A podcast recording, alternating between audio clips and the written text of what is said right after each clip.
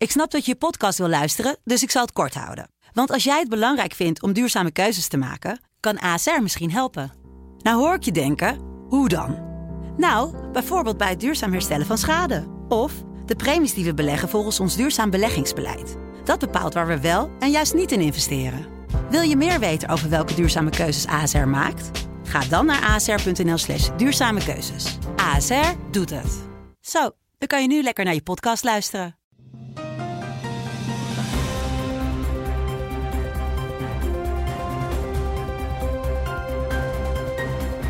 Dit is een podcast van de Telegraaf. In het land van Wierduk met Robert Ophorst. Donderdag eh, 17 december.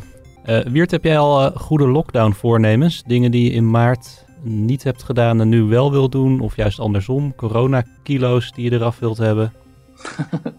Ik denk dat ik eh, el- elke dag een podcast eh, op Twitter ga zetten van, de afgelopen, van het afgelopen coronajaar.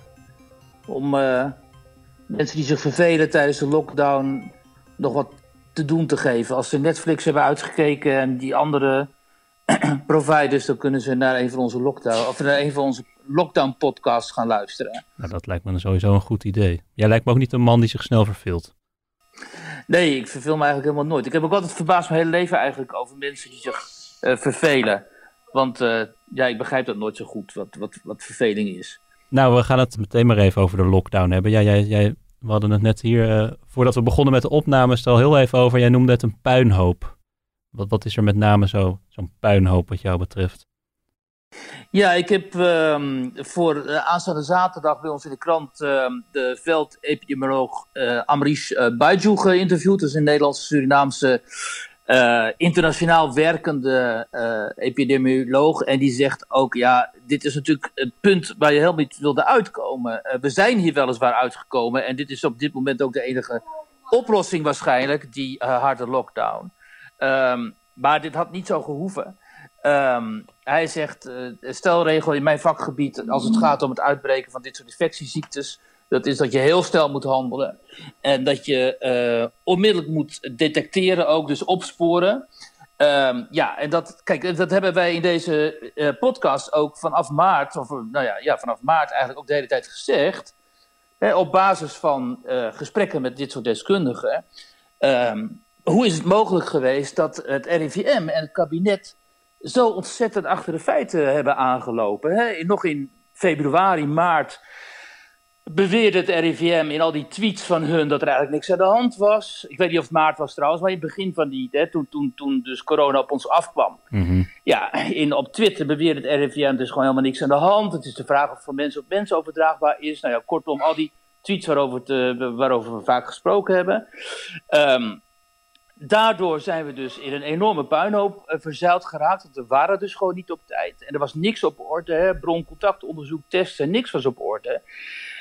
Toen zijn we door die zomer gegaan. En nu zou je verwachten dat eh, VWS en eh, ehm, de zaken wel op orde zou hebben. Want eh, dat ministerie moet ons, van Hugo de Jonge, moet ons door die crisis helpen. En wat blijkt nu?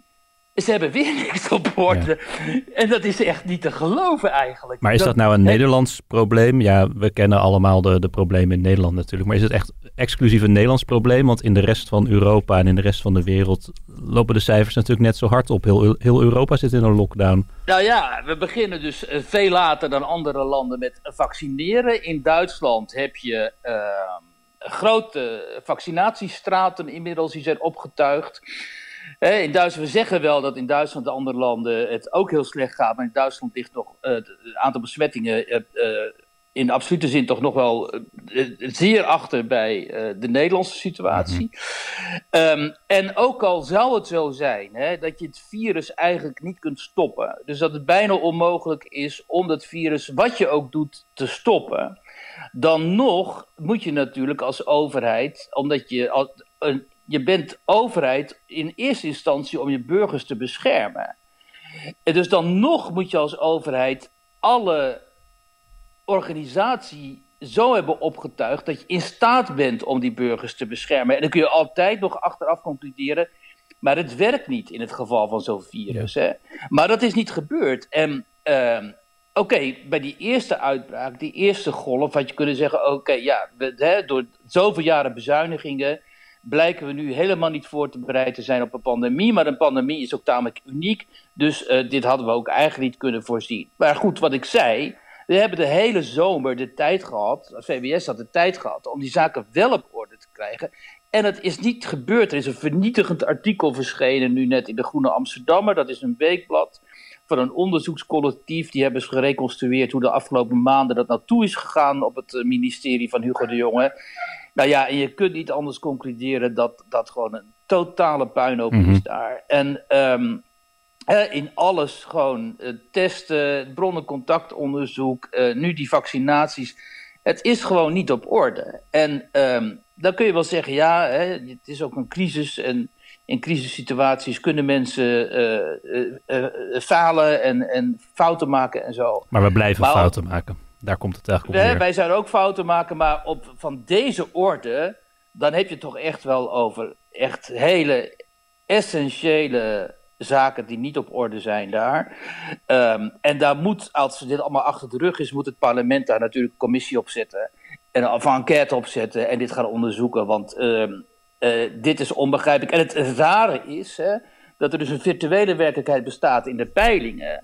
Waarin uh, uh, het kabinet nog altijd heel goed wegkomt. Hè? Dus het kabinet dat eigenlijk in een crisissituatie gewoon enorm gefaald heeft.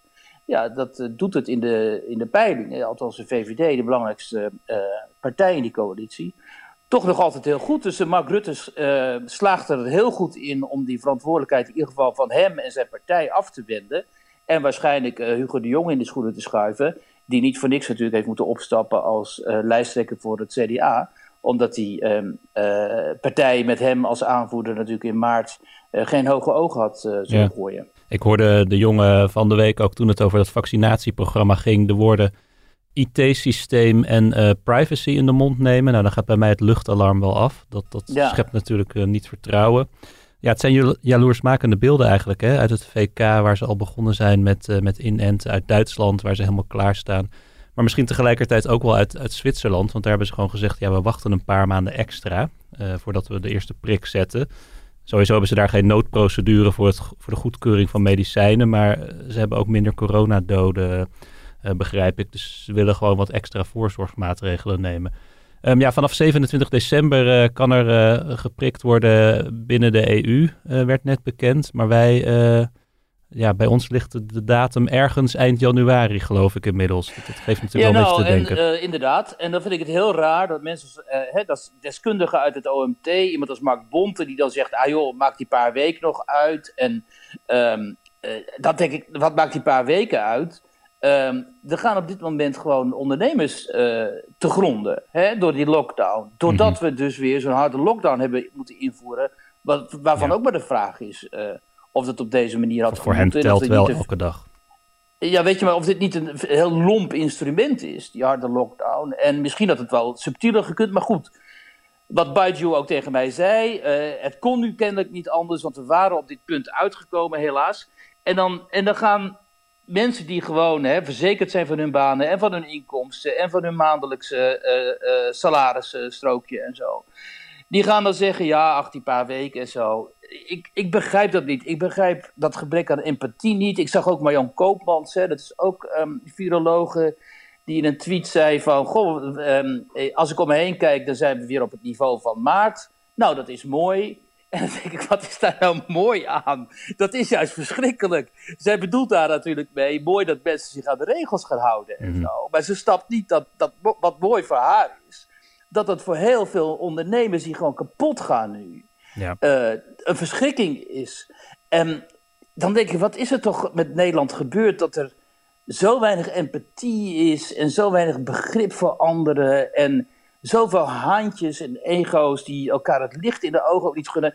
Uh, Baju bijvoorbeeld, die is dan betrokken bij dat Red Team. Hè? Dat Red Team is een groep van deskundigen vanuit allerlei disciplines dat, uh, die, die zichzelf eigenlijk hebben aangemeld om mee te denken, om tegen te denken eigenlijk met het Outbreak Management Team, omdat zij ook expertise in huis hebben. Mensen als Bert Slachter zit daarin.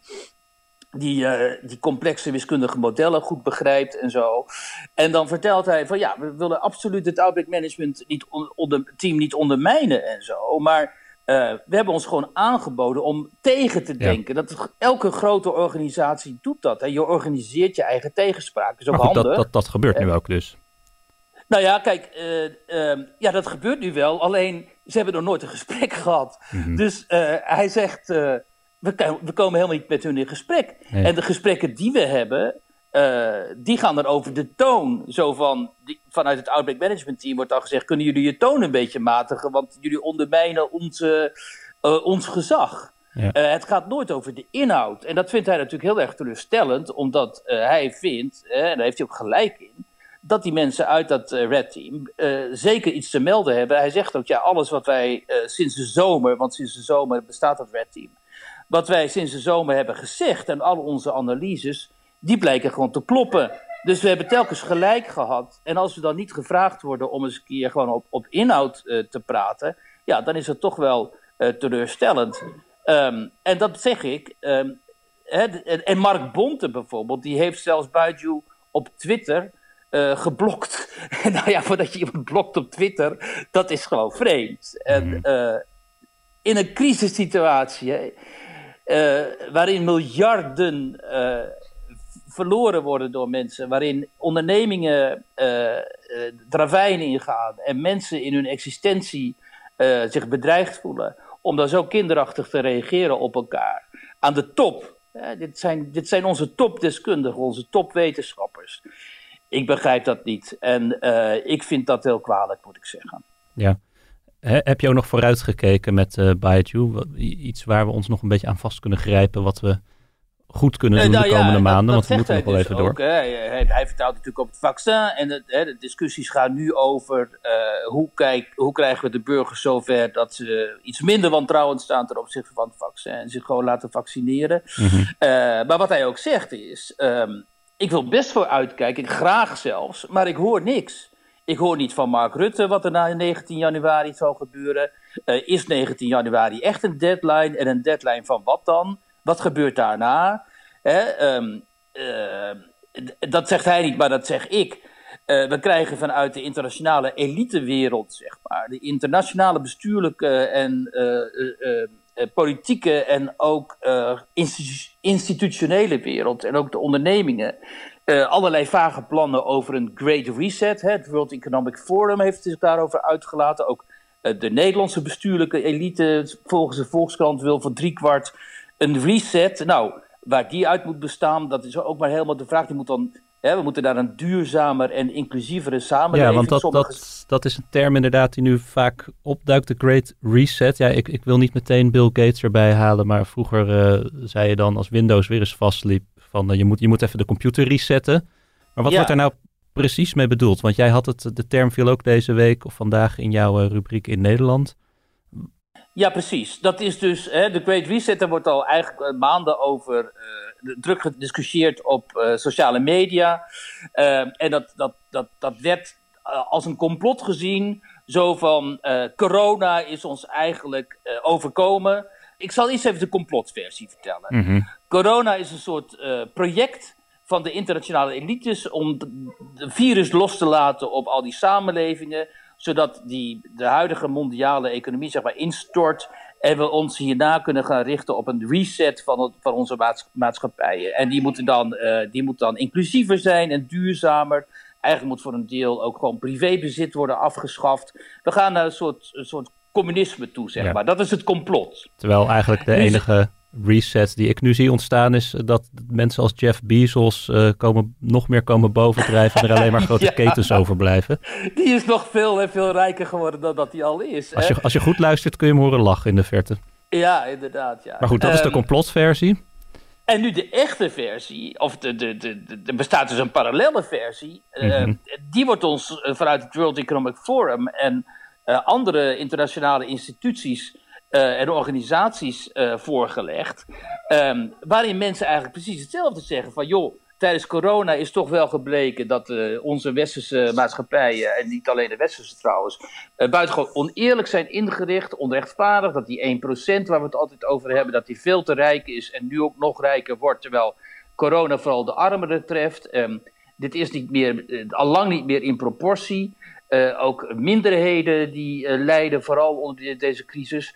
Daar moeten we dus echt met z'n allen iets gaan doen. En uh, het interessante is dus dat uh, uh, die, die, in dat World Economic Forum, maar ook iemand als die Britse prins Charles en ook nu dus die Nederlandse elite, zeg maar, die bestuurlijke elite, ook die term Great Reset mhm. gebruikt. Mm Waardoor het dus uit die complothoek wordt uh, gehaald, zeg maar. En een concreet, zeg maar, project uh, wordt voor de tijd na corona. Ja, ik geloof er niks van. Ik geloof dat zodra iedereen gevaccineerd is en corona uh, is bestreden, dat we dan business as usual zullen zien. Mm Maar het, het, ziet, het betekent, het, het laat wel iets zien. Ja. Namelijk dat die elites toch wel heel erg losgezongen zijn van een groot deel van de bevolking. Dat zag je ook in dat onderzoek in de Volkskrant. Hè. Daar bleek dat driekwart van die top 400, meen ik, hadden ze. Dat die eigenlijk een soort D66-achtig wereldbeeld aanhangt van ehm, open grenzen, globalisme, meer migratie, want dat hebben we nodig voor de arbeidsmarkt en noem maar op. Dus allemaal uh, uh, projecten, zeg maar, die bij de overgrote meerderheid van de burgers helemaal niet goed vallen. Hè? Die willen dat juist helemaal niet. Toch zou je um, ook kunnen zeggen van.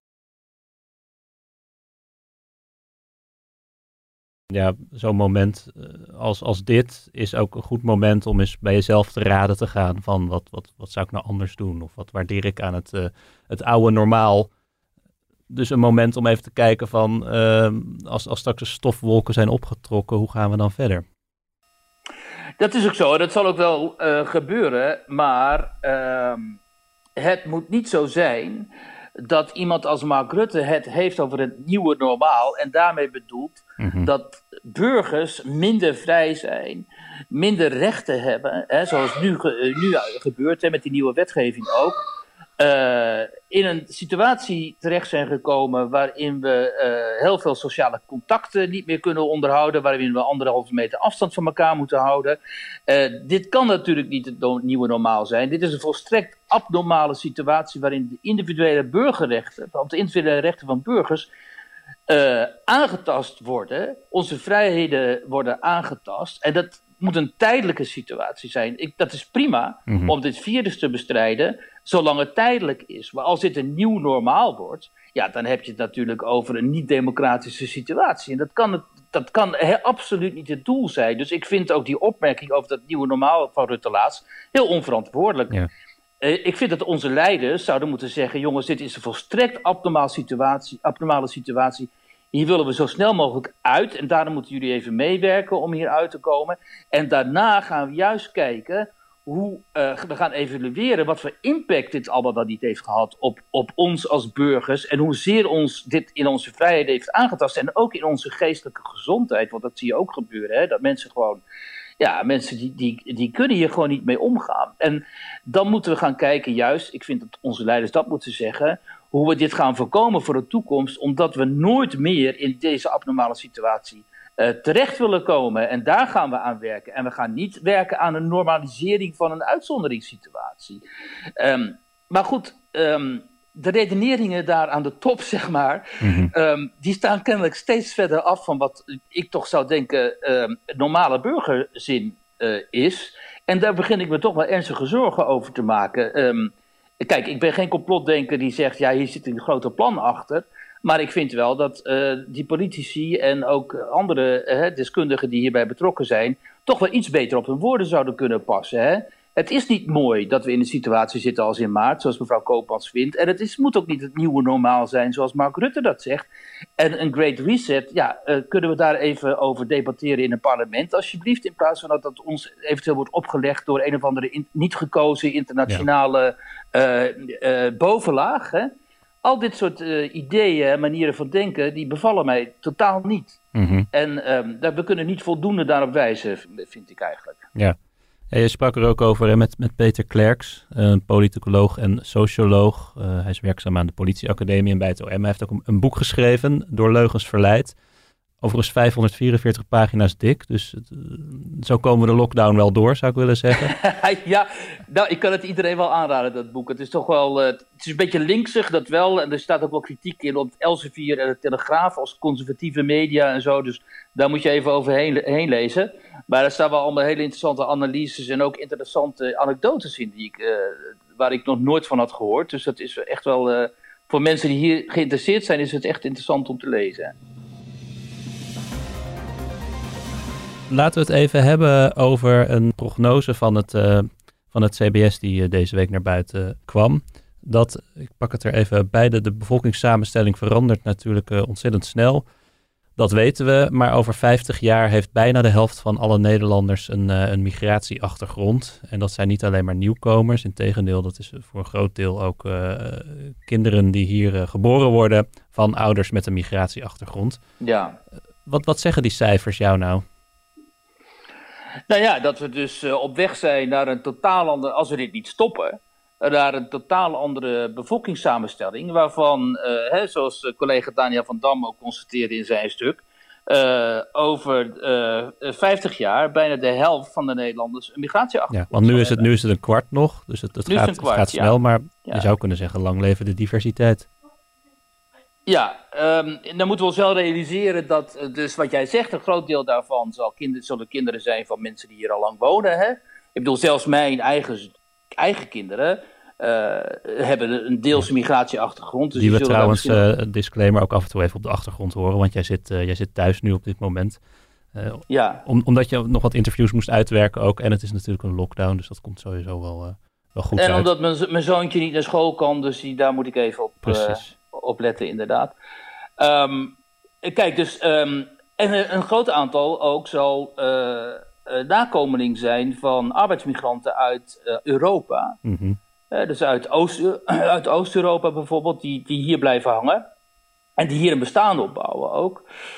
ook mensen uit kennismigranten uit India bijvoorbeeld, die hier zullen blijven. Er zal een nieuwe groep, het is wel interessant, er zal een nieuwe groep immigranten ontstaan vooral kinderen van Indiërs, um, die hier zullen blijven. En daar is op zichzelf niks mis mee, natuurlijk. Uh, hè, de, door de eeuwen heen heeft Nederland immigratie, immigranten opgevangen. Maar uh, wat problematisch is natuurlijk, is als je te maken krijgt met een groot aantal immigranten, bijvoorbeeld uit landen Somalië, Ethiopië, Eritrea. Ook andere landen in het Midden-Oosten, die op de arbeidsmarkt nauwelijks toekomst heeft. Hè. Dat, is, dat blijkt ook uit cijfers van CBS altijd. Dat uh, vooral uh, de mensen uit die landen die ik net noemde, ja, die zitten voor 60, 70 procent vaak in de WW. Mm -hmm. Of in de bijstand, of in de bijstand moet ik zeggen. In een uitkering. En, um, uh, en die hebben op de lange duur dan ook heel weinig perspectief hier. Dus je moet. Kijk, wil je immigratieland zijn? Dat is nog maar de vraag of je dat wilt zijn. Maar ja, de politiek slaagt er niet in om het niet te zijn. Dat is de, de wrange conclusie natuurlijk. Hè. Ondanks de grote mond van uh, de VVD op dit moment, nu de verkiezingen eraan komen, slagen wij er maar niet in om gecontroleerde migratie Nee, sterker nog, over de VVD gesproken. We hadden afgelopen zomer een interview in de krant met Henk Kamp van collega Wouter de Winter. En die, die zei, immigratie is ons overkomen. Ja, dat is, ja. blijft telkens een beetje de boodschap. Dat, dat, dat kunnen de huidige politici nog steeds zeggen. Er zit niet echt een plan en een idee achter. Dat is ook iets wat Jan Latte, de demograaf, uh, vaak aankaart. Ja, het overkomt ons, want hè, we zitten binnen de Europese context en we hebben eigenlijk de soevereiniteit over onze grenzen verloren. En we hebben allerlei internationale verdragen ondertekend, uh, vluchtelingenverdrag en zo. En we moeten dus maar achterover hangen, want uh, we kunnen hier niks tegen doen. Wat natuurlijk onzin is, je kunt verdragen gewoon, je kunt uit verdragen stappen. Je kunt veel harder aan de bel trekken. Je kunt je grenzen op een gegeven moment echt wel uh, hè, op zo'n manier sluiten dat niet iedereen hier maar binnenkomt. Want we zitten hier ook opgeschreven een groot aantal illegalen uit uh, Noord-Afrika bijvoorbeeld. Die we maar niet kunnen uh, uitzetten omdat die regimes in Noord-Afrika die immigranten niet, of wat zijn het, dat zijn illegalen, niet terug willen hebben. Dus het gaat natuurlijk ook gewoon om puur politieke wil. En kijk, iemand als Bente Becker van de VVD, die doet dan de hele tijd nu, omdat de verkiezingen eraan komen, dat er wel heel veel politieke wil is om daar iets aan te doen. Uh, maar ja, uh, dat, tot nog toe heeft die politieke wil is dan niet echt gerealiseerd in de praktijk en, en niet zichtbaar. Dus nee. wat ik zeg, um, als we er dan zogenaamd niks aan kunnen doen, dan zul je moeten leven met de constatering dat we over zoveel jaar inderdaad een hele andere samenstelling van de bevolking zullen krijgen. Wat ook, dat is wel gebleken de afgelopen decennia, ook allerlei spanningen met zich mee zal brengen. Want de multiculturele samenleving is geen feest alleen. Het is ook een hele, vaak een hele uh, uh, stressvolle samenleving. Waarin tussen bevolkingsgroepen veel spanning bestaat. Met name nu ook rond die islamisering. Hè? de, zeg maar, heel veel migranten, immigranten uit uh, moslimlanden, die islamiseren op dit moment. die kwamen als redelijk seculiere uh, moslims naar Nederland, als uh, gastarbeider bijvoorbeeld. En je ziet dat grote delen van hun kinderen, dus de nieuwe generaties, ook, ook zelfs als ze hoog opgeleid zijn, islamiseren. Hè? Dat zie je bij die, bijvoorbeeld op die lijst van GroenLinks, nummer 9 daar, Kautar die uh, is toch hoog opgeleid en een uh, keurig geïntegreerde verder uh, Nederlandse vrouw. Maar ja, ze is wel aanhanger van de politieke islam. Ja, kortom, het is, is niet zo dat mensen die hier geboren worden met een migratieachtergrond of hierheen komen, dat iedereen helemaal, helemaal verhollandst en dat, dat, dat soort nou, nee, dat is, loslaat. Integendeel, er is juist een stroming gaande dat mensen... bewezen Kijk, ehm, als je aan een Turk, uh, Turkse jongere vraagt, uh, voel je Nederlander, Turk of Rotterdammer? Dan zal die zeggen Rotterdammer, Turk en dan pas Nederlander. En als mhm. er iets is met Erdogan, dan gaan ze met vlaggen van Turkije de Erasmusbrug op. En uh, dat is dan de derde generatie of zo. Dus dat is, dat, is de, dat is de realiteit. En die mensen brengen de spanningen uit hun gebieden met zich mee. Koerden tegen Turken, Ehm, moslims tegen seculiere moslims. Uh, hè? En noem maar op. En daar moet de Nederlandse samenleving dan maar mee omgaan. Ik zou niet precies weten waarom dat moet, maar goed, dat wordt ons dan zeg maar opgedrongen. En je krijgt dan dus met die problemen en die spanningen te maken, waar we nu al mee te maken hebben. Die problemen en die spanningen zullen dus als het immigratiebeleid op deze manier doorgaat, of het immigratieproject, dan zullen die alleen maar groter worden. En dan krijgen dus vroeger had je de spanningen tussen gereformeerden en katholieken, bij wijze van spreken. Of tussen communisten en, uh, en, uh, en gereformeerden. En dan krijg je een enorm scala aan spanningen tussen mensen uit al die verschillende groepen, uit, uit die verschillende, al die verschillende regio's uit de hele wereld, die zich hebben gevestigd dan op een heel klein grondgebied in Nederland. En eh, kijk, mensen kunnen nu wel zeggen, kijk, die viaduct die, die loopt, gaat weer los en die loopt weer leeg, enzovoort, enzovoort. Maar uh, mij viel op bijvoorbeeld dat ook uh, iemand als Pieter van Vollenhoven, notabene, de, de, toch lid van het Koninklijk Huis, meen ik, op een bepaalde manier, dat hij ook in de tweet zegt van jongens, luister eens even, iedereen moet zich toch eens goed gaan realiseren wat de consequenties zijn van deze groei voor ons land want ons land is volgens mij van een beperkte omvang. Ja, dat is natuurlijk helemaal de spijker op zijn kop. Mhm. En, ehm, en ehm, ja, dat, is, dat kan niet vaak genoeg herhaald worden. En hopelijk gaat. Uh, nou ja, ik wil zeggen, hopelijk gaat de politiek daar iets aan doen. Maar ik heb er helemaal geen vertrouwen in dat de politiek daar iets aan gaat doen. Dus uh, ik kan het maar beter achterwege laten. Van het uh, eh, CBS even naar het CPB, het Centraal Planbureau. Jij wilde het even hebben over een onderzoek dat zij gedaan hebben naar kinderen, van, uh, kinderen en hun opleidingsniveau. Want wat blijkt, kinderen van laag opgeleide ouders of ouders met een laag inkomen, die beginnen eigenlijk op de basisschool al met een achterstand die ze in hun schoolcarrière niet meer inhalen. En het opleidingsniveau en het inkomen van de ouders hebben ook meer invloed op de schoolprestaties van een kind dan een uh, bijvoorbeeld een migratieachtergrond, blijkt uit dat onderzoek. Nou ja, dat laatste is dus essentieel. En daarmee kan ik ook mooi de eindejaarspodcast aankondigen van volgende week. Volgende week uh, hebben we een eindejaarspodcast met uh, Josse de Voogd, uh, sociaal, electoraal geograaf ook. Josse die kent Nederland als geen ander, heeft alle gemeentes bezocht. En dit is een beetje een stokpaardje van hem ook. Um, de, de, het idee bestaat dat kinderen met een migratieachtergrond vastlopen in het onderwijs. Dat zij uh, vaak achterstanden hebben. Uh, en dat ze dus al op de lagere school, op de basisschool, al beginnen met een achterstand. die ze in hun hele carrière, op schoolcarrière heet het dan, niet meer inhalen. En Josse die zegt al enige tijd, ja dat is flauwekul. Hè? Um, onderadvisering bijvoorbeeld betreft niet zozeer allochtone kinderen in de grote steden. Die worden juist eerder uh, overgeadviseerd. Onderadvisering betreft vooral kinderen uit armere milieus, blanke kinderen in gebieden als Friesland of Oost-Groningen uh, enzovoort. Alleen, dat past natuurlijk niet in het politiek correcte uh, plaatje. Hè? Maar nu heeft het Centraal Planbureau dus een onderzoek gepresenteerd waarin inderdaad blijkt dat de schoolprestatie in de vroege jeugd ehm, vooral een kwestie zijn van sociaal-economische sociaal-economische omstandigheden. Dus dat niet zozeer je etnische achtergrond mhm. bepaalt of jij het op school slecht doet, maar gewoon het feit of je arm bent. Hè? En, of je, en dat maakt het niet uit of je nou blank of bruin of zwart bent. Als jij uit een achterstandsmilieu komt, uh, dan doen je kinderen het op school niet goed. Dus het lijkt me bij uitstek iets voor hè, iemand als uh, Sunita Bihari voor, van de SP, die nummer 11 staat op de lijst voor de SP en die zich ook altijd enorm druk maakt over dit soort dingen. Of Peter Quint bij de SP, dat soort mensen.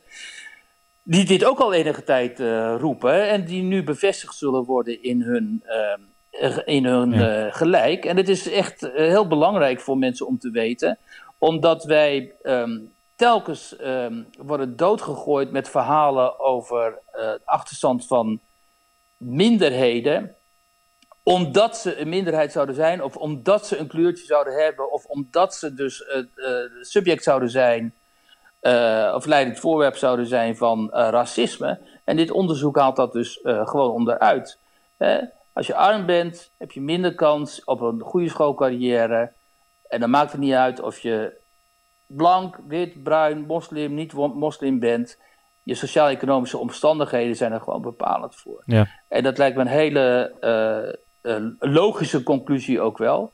Uh, en ook een heel belangrijk, toch wel, um, moment voor mensen om zich dit te realiseren. wat voor beleid zou er dan op gemaakt kunnen worden?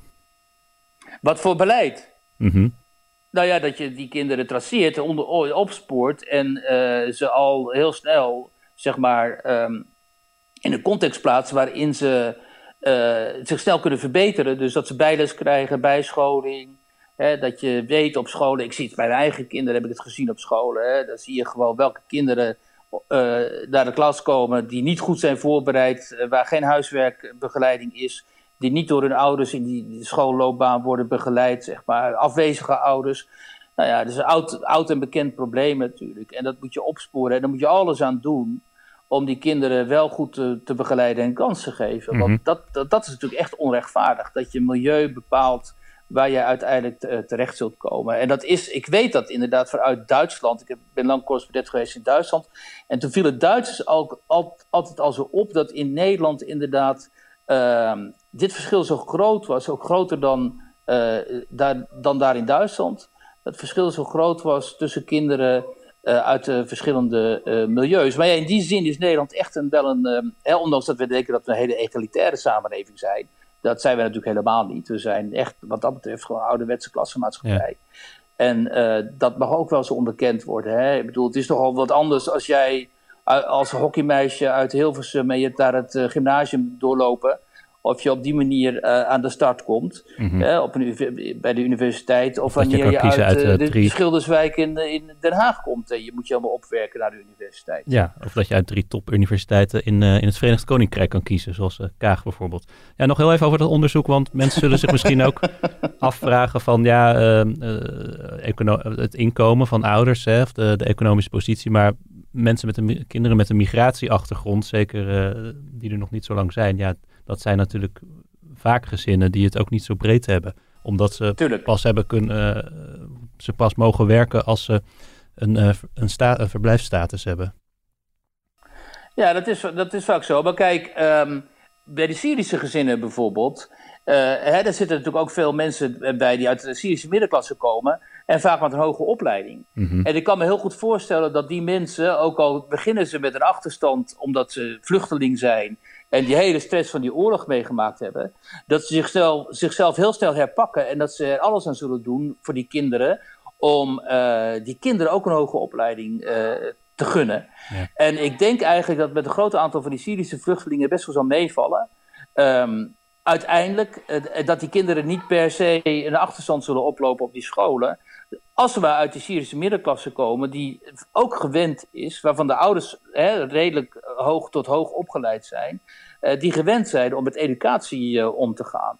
En dat is toch iets heel anders dan wanneer je vanuit echt hele arme omstandigheden in Somalië komt. Hè. Je hebt zelf geen enkele opleiding. En uh, je hebt je kinderen ook hier een, Weet je, en je weet eigenlijk helemaal niet hoe je met, een, met, een, met schoolbezoek en dergelijke moet omgaan. Um, dat soort factoren spelen natuurlijk allemaal, maar allemaal een rol. Maar ja, ontegenzeggelijk hebben die mensen natuurlijk hun uitgangsposities natuurlijk uh, hè, veel, veel lager en veel slechter dan die van gewoon het autochtoon Nederlands middenklasse gezin dat om uh, zes uur s'avonds met z'n vier aan tafel zit hè, rond de aardappelen en, en, en, de, en de biefstuk. Nou, de, de thuisonderwijsplicht roept weer, hoor ik, op de, hoor ik een beetje op de achtergrond. Er is trouwens ook goed nieuws, hè, want uh, we, kunnen ons uh, verheugen op een mogelijk een witte kerst voor het eerst in tien jaar. Nou kunnen we ons uh, elk jaar verheugen volgens mij op een witte kerst, maar volgens de lange termijn voorspelling van, het, van, van de weerbureaus neemt de kans op winterse neerslag toe. Dus dat is toch een lichtpuntje waar we ons aan vast kunnen houden in deze donkere dagen, vind je niet? Oh, dat is nieuw voor mij, die witte kerst. Um, maar ja, dat zou mooi zijn. Ik zat, ik zat wel te denken, van de zomer hadden we in de zwembaden het, zo, het zogenaamde bommetje-protocol. Hè? Want je, je, je, mocht niet schreeuwen en roepen langs, de, langs het water en in het water vanwege de aerosolen. En je zult zien dat er nu ook een sneeuwbalprotocol komt dan. Ja, dat, uh, nou ja, ik heb, uh, ik heb uh, lang in, in Rusland gewoond en daar hadden we elk jaar de witte kerst. om niet te zeggen, um, althans meestal. En mhm. temperaturen tot min 20 en zo. Dus um, uh, ik, ben het wel, ik ben het wel gewend. Mijn dochter is geboren bij min 34. Dus het was echt een uh, de Russische koude, hoe heet dat? koude record. Uh, destijds in Moskou. Mm um, dus ik ben wel enigszins gewend, maar ik zie er wel naar uit. Want ik, ik hou daar inderdaad van, van die kou. En sowieso van Noordse of noordelijke tafereelen. Dus ik zie daar naar uit. Mooi.